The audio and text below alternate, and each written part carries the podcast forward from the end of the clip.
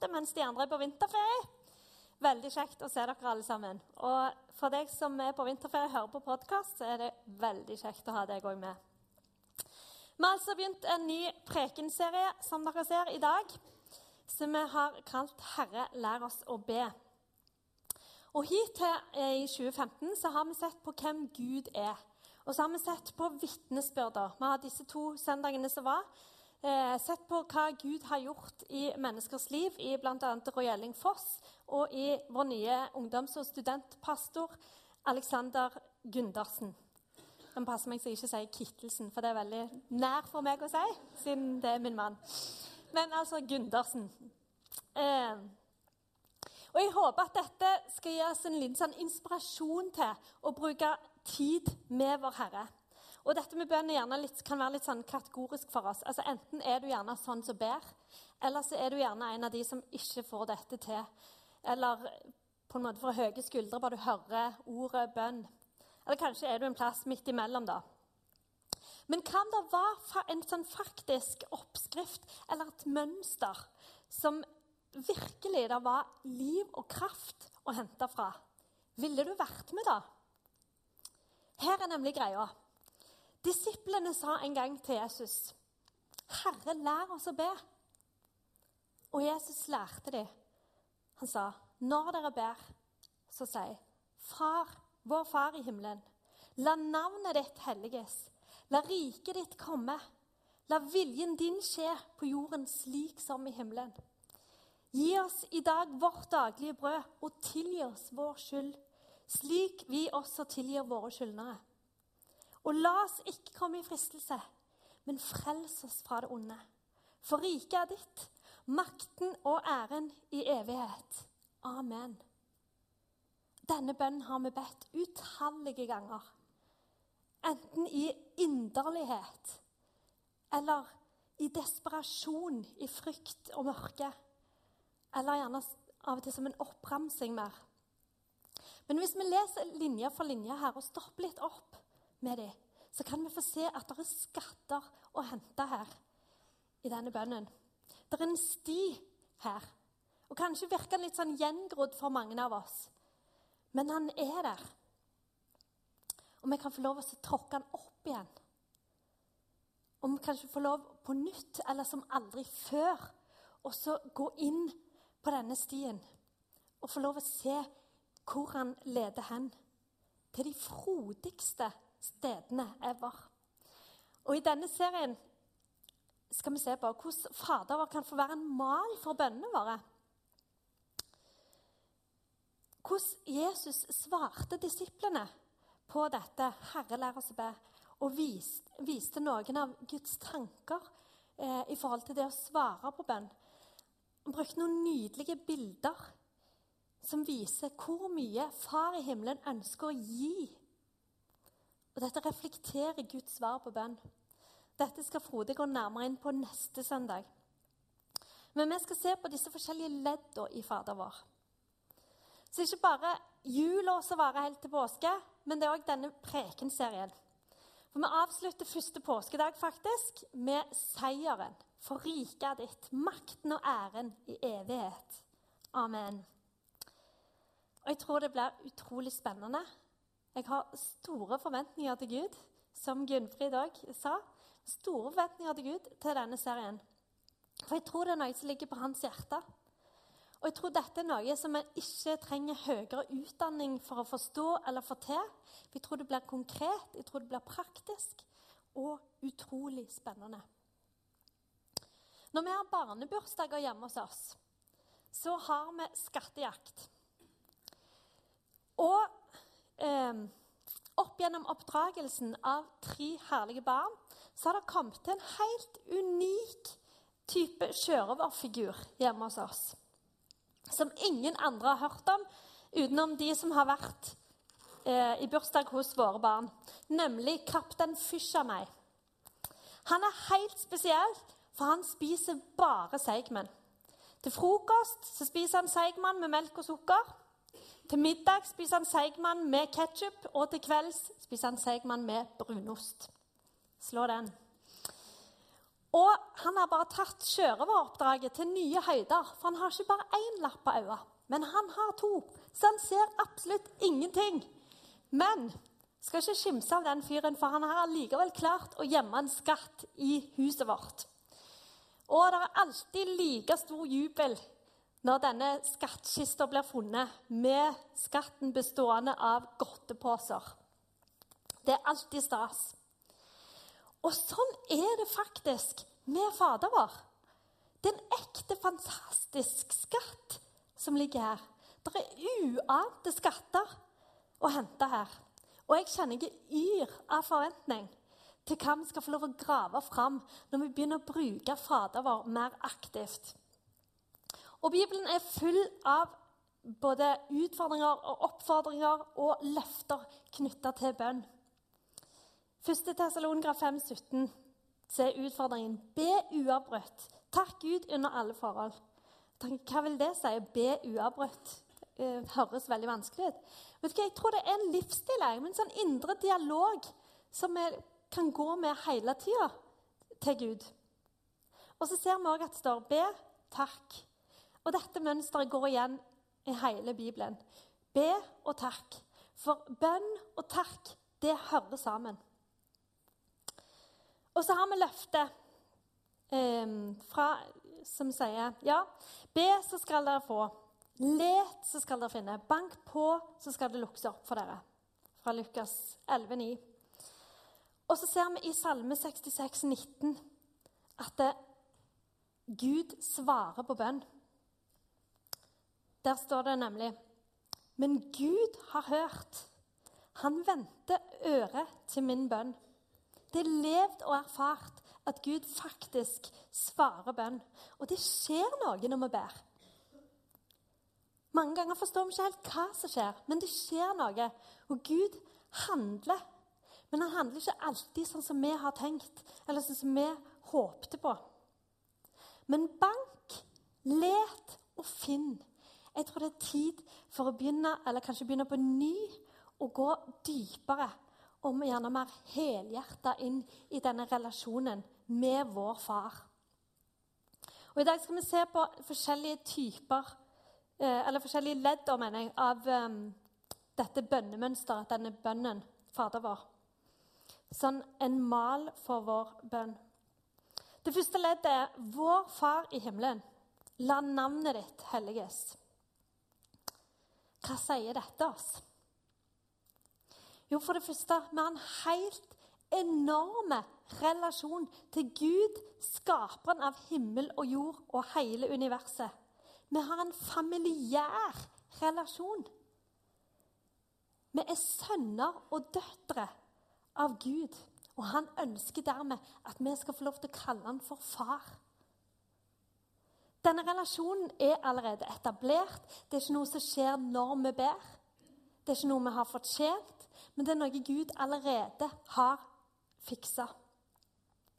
Og vi kommer altså til far når vi ber. Og Gud som far er over alle assosiasjoner og erfaringer vi måtte ha med ordet eller fenomenet far. Noen har veldig negative erfaringer, noen har veldig positive. Men uansett så er Gud mye større, mye bedre enn våre erfaringer. Så Gud har allerede gitt oss denne relasjonen, at han er vår far. Og han har altså utrolig mye han ønsker å gi oss. Så kan vi altså gjennom dette få lov å reflektere over Gud som far. Reflektere og gi han æren for den han er. Prise navnet hans for den han er tilbe han og fokusere på et rett og sant bilde av hvem han er. Og være Jesus-sentrert. Og Det leder oss over i tilbedelsen. Vår Far i himmelen, la navnet ditt helliges. Her lærer vi oss å forstå mer av Guds navn, og dermed hvem han er, faktisk.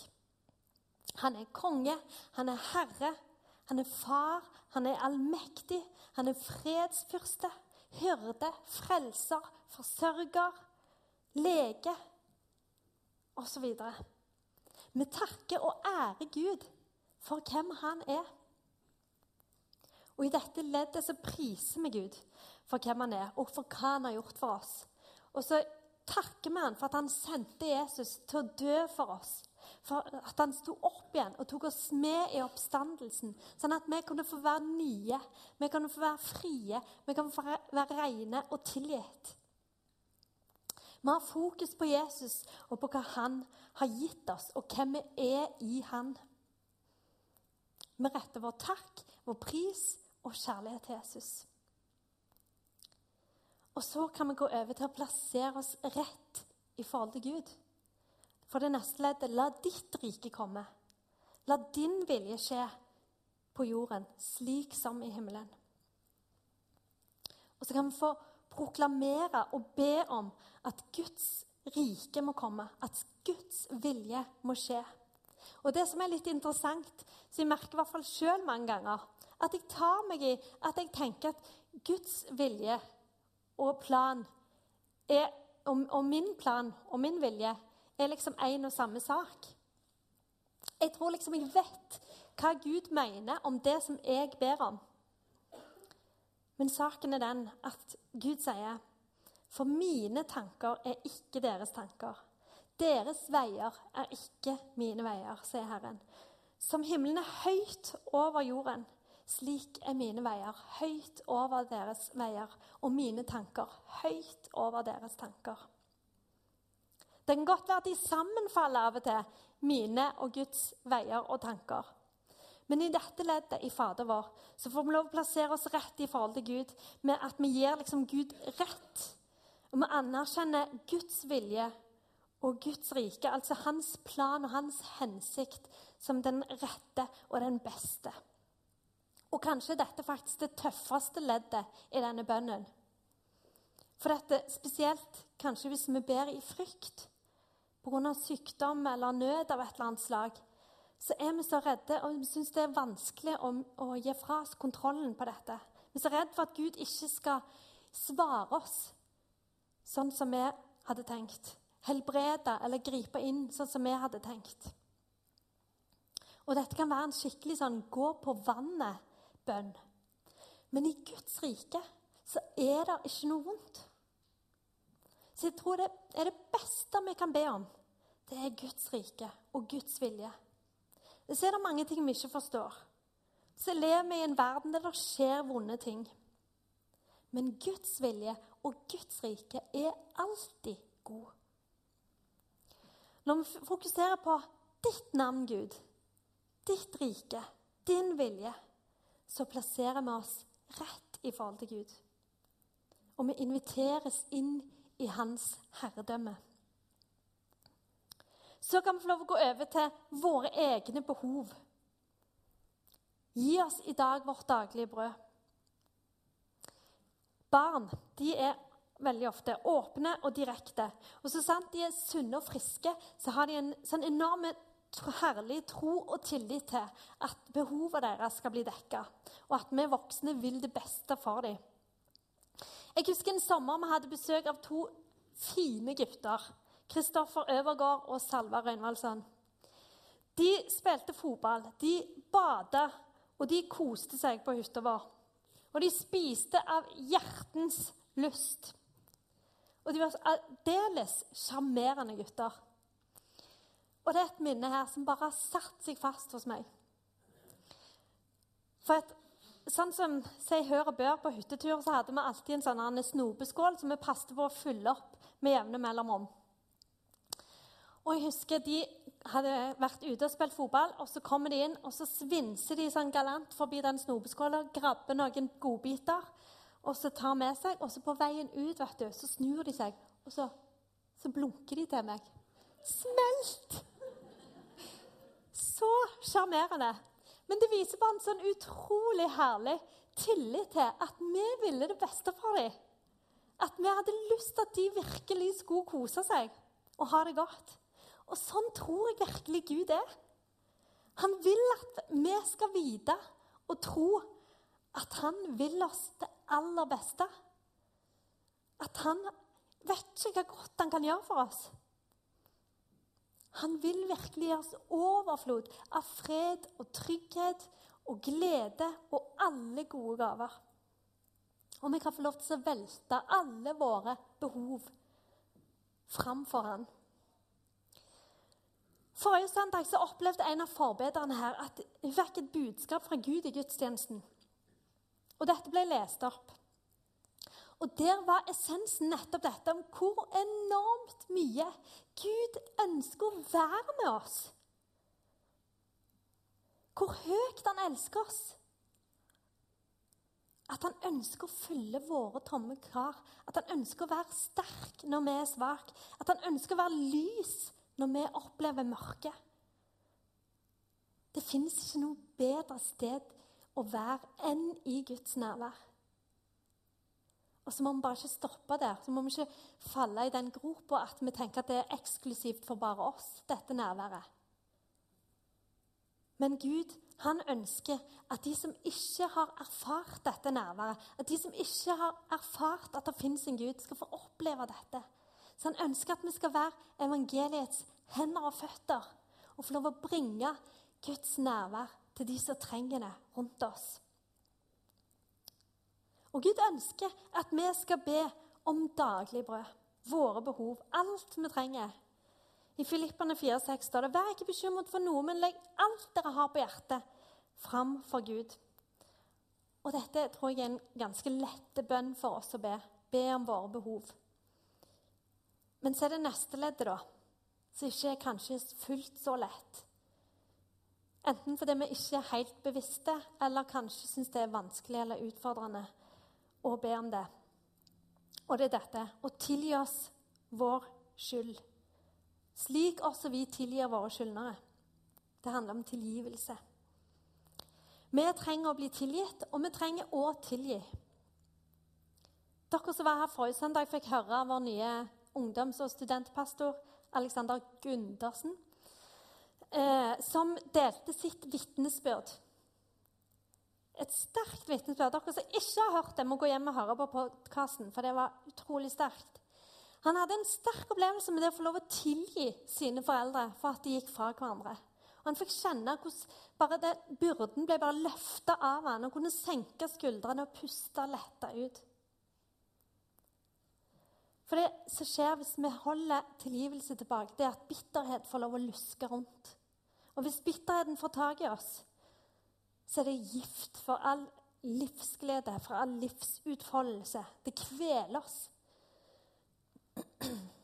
I Matteus 5, 23 og 24 i bergpreken sier Jesus at hvis vi skal bære fram et offer til Gud, altså hvis vi skal komme fram for Gud Og hvis vi da kommer til å tenke på at din bror har noe imot deg, så skal du altså la offergraven ligge, og skal du gå og bli forlikt med din bror og så kan du komme tilbake og bære fram offergaven din.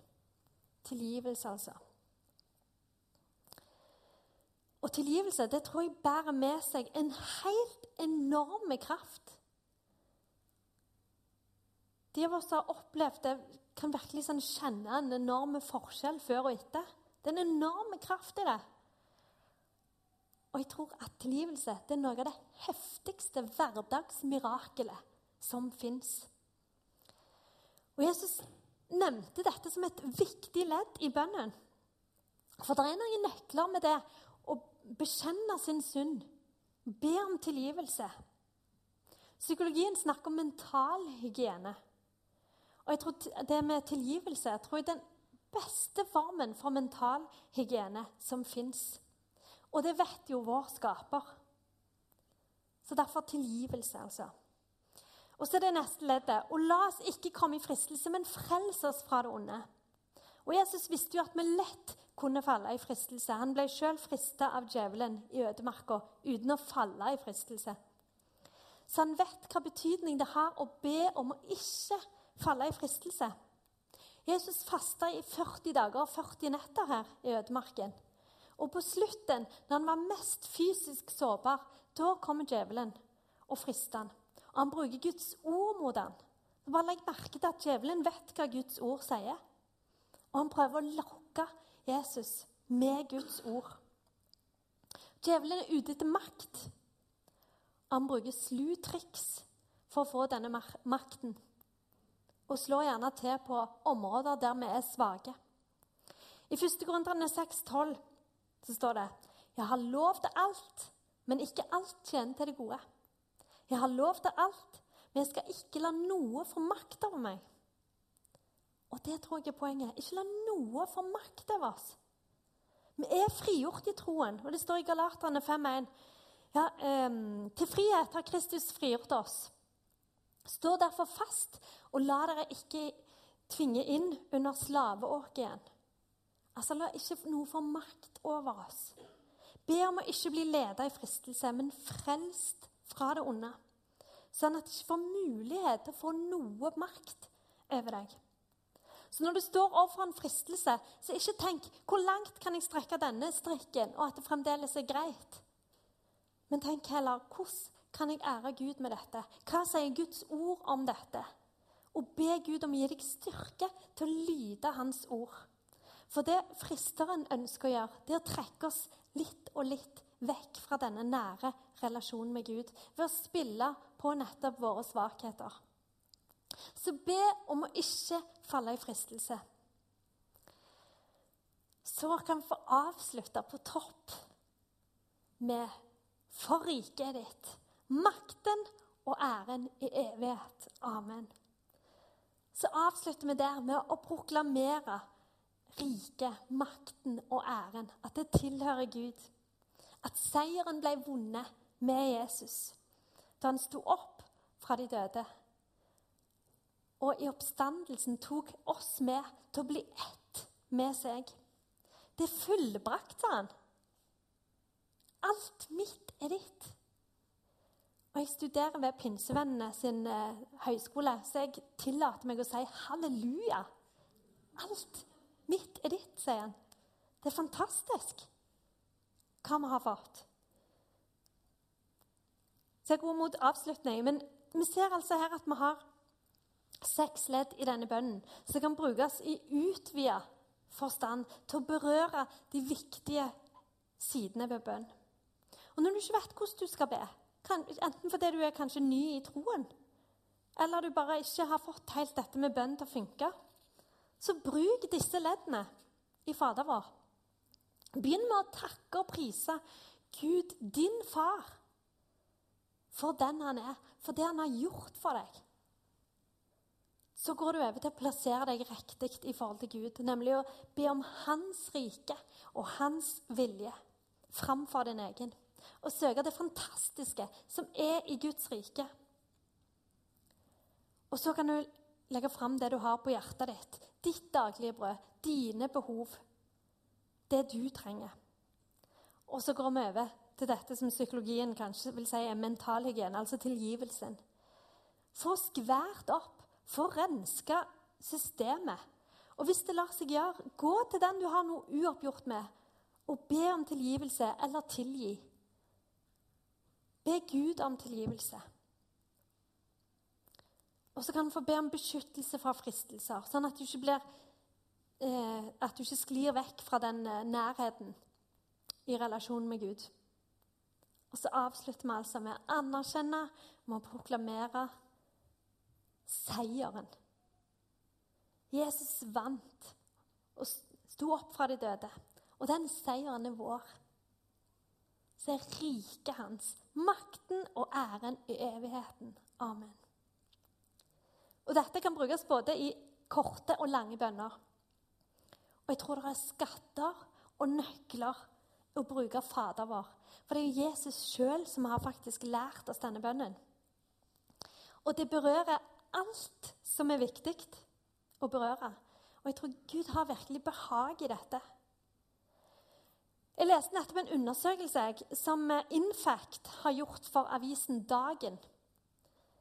Og Der sto det altså at to av fem kristne ber ikke. Det er helt forferdelig. To av fem kristne ber ikke. Jeg vet ikke hvordan de har kommet fram til det, eller hvor pålitelig denne undersøkelsen er. Men jeg tenker den sier oss noe. Har vi det virkelig så godt at vi ikke trenger Gud? budskapet som ble lest opp her forrige søndag, viser jo at det er ikke sånn Gud vil ha det. For han ønsker å være med oss. Han ønsker å høre oss, han ønsker å dele med oss. Han ønsker å fylle våre tomme kar. Han vil være vår styrke. Og han vil være nær oss. Han er nidkjær i forhold til tida vår, ble det lest. Og Det betyr at han er lidenskapelig, opptatt av å være med oss, få prege oss, få prege livene våre, valgene våre, familien vår, vennene våre, arbeidsstedene våre.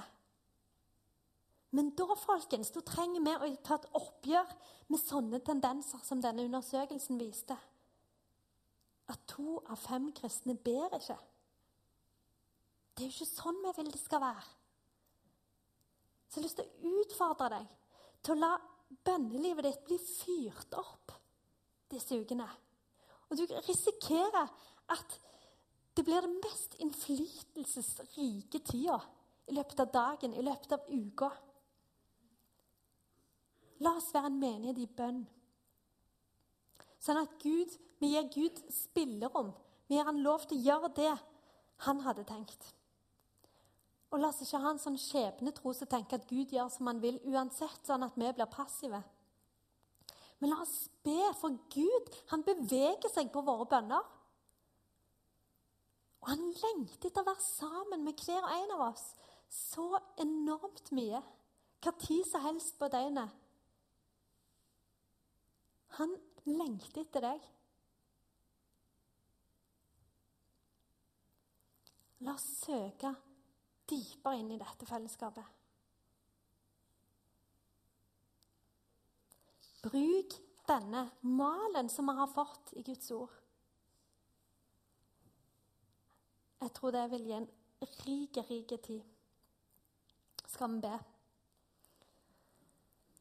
Far i himmelen, takk for at du er vår far. Takk for at vi får lov å være dine barn.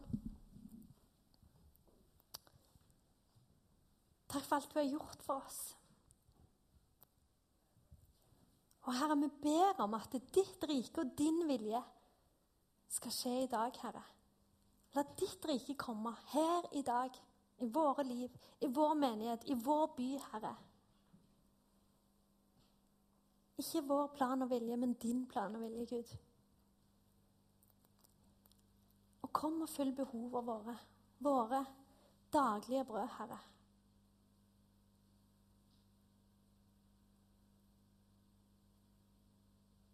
Herre, vi ber om tilgivelse, Herre. Herre, tilgi oss. Og hjelp oss til å tilgi andre.